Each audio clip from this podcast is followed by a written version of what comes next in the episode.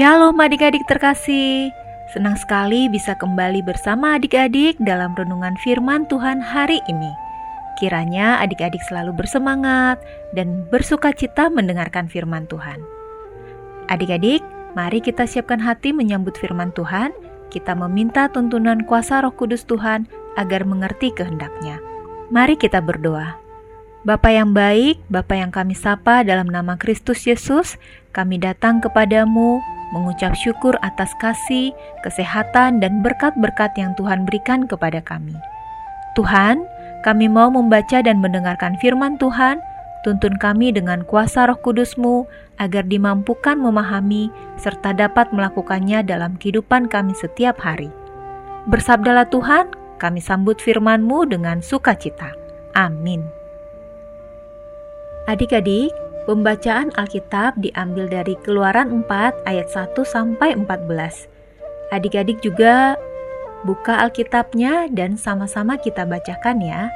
Keluaran 4 ayat 1 sampai 14. Beginilah firman Tuhan. Lalu sahut Musa, "Bagaimana jika mereka tidak percaya kepadaku dan tidak mendengarkan perkataanku, melainkan berkata, Tuhan tidak menampakkan diri kepadamu?" Tuhan berfirman kepadanya, "Apakah yang di tanganmu itu?" Jawab Musa, "Tongkat." Firman Tuhan, "Lemparkanlah itu ke tanah." Dan ketika dilemparkannya ke tanah, maka tongkat itu menjadi ular sehingga Musa lari meninggalkannya.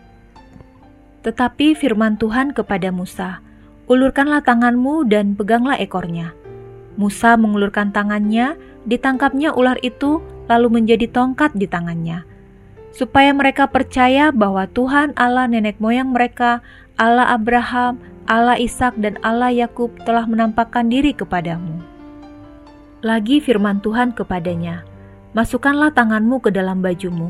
Dimasukkannya lah tangannya ke dalam bajunya, dan setelah ditariknya keluar, maka tangannya kena kusta putih seperti salju.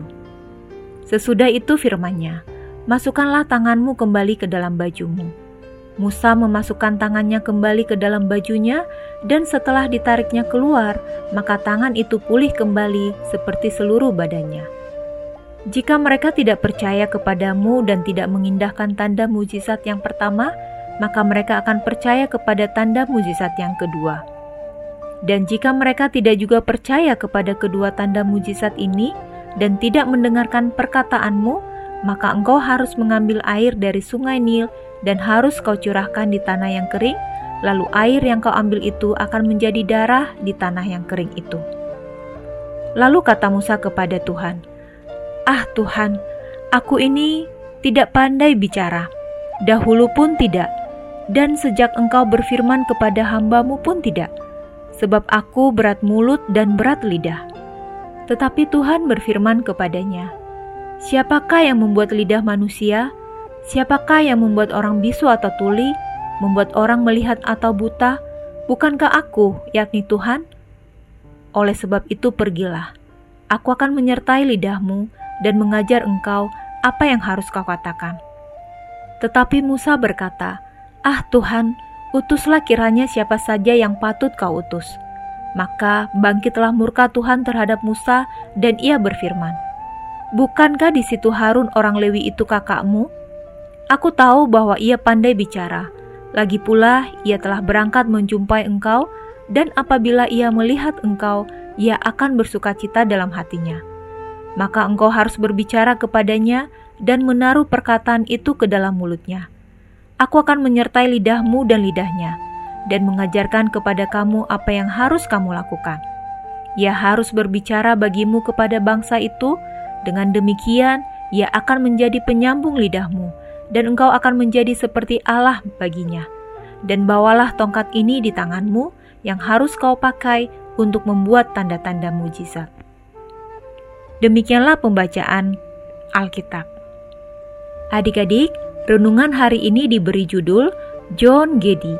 Ayat fokus kita terdapat pada Keluaran 4 ayat 14a yang mengatakan, "Maka bangkitlah murka Tuhan terhadap Musa."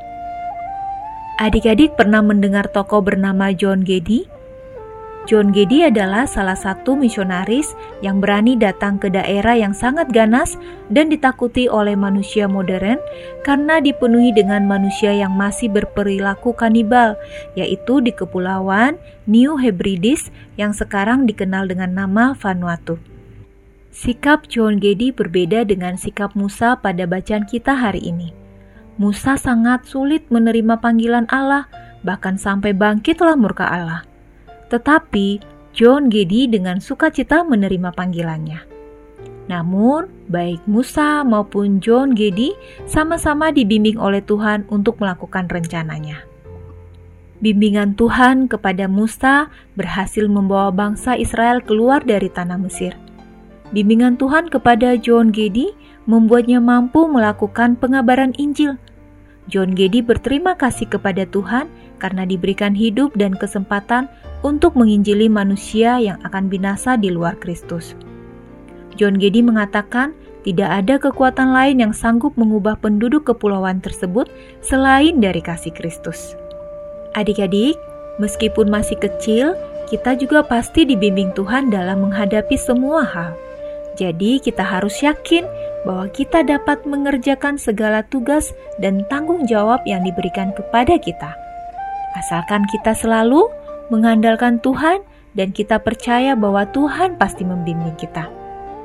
Yuk adik-adik dengan keyakinan penuh kita katakan sama-sama, aku mau mengerjakan semua tugas yang diberikan kepadaku dengan yakin karena Tuhan pasti membimbingku. Sekali lagi adik-adik, dengan sungguh-sungguh kita katakan, aku mau mengerjakan semua tugas yang diberikan kepadaku dengan yakin karena Tuhan pasti membimbingku. Mari kita berdoa. Bapa di surga, terima kasih karena Tuhan selalu membimbing kami meskipun kami masih kecil. Ampunilah kami yang sering tidak mengandalkan Tuhan, selalu memakai pikiran kami sendiri. Terima kasih Tuhan Yesus, dalam nama Tuhan Yesus kami berdoa dan mengucap syukur. Amin. Sampai besok lagi ya adik-adik tetap semangat dan sehat selalu. Tuhan Yesus memberkati.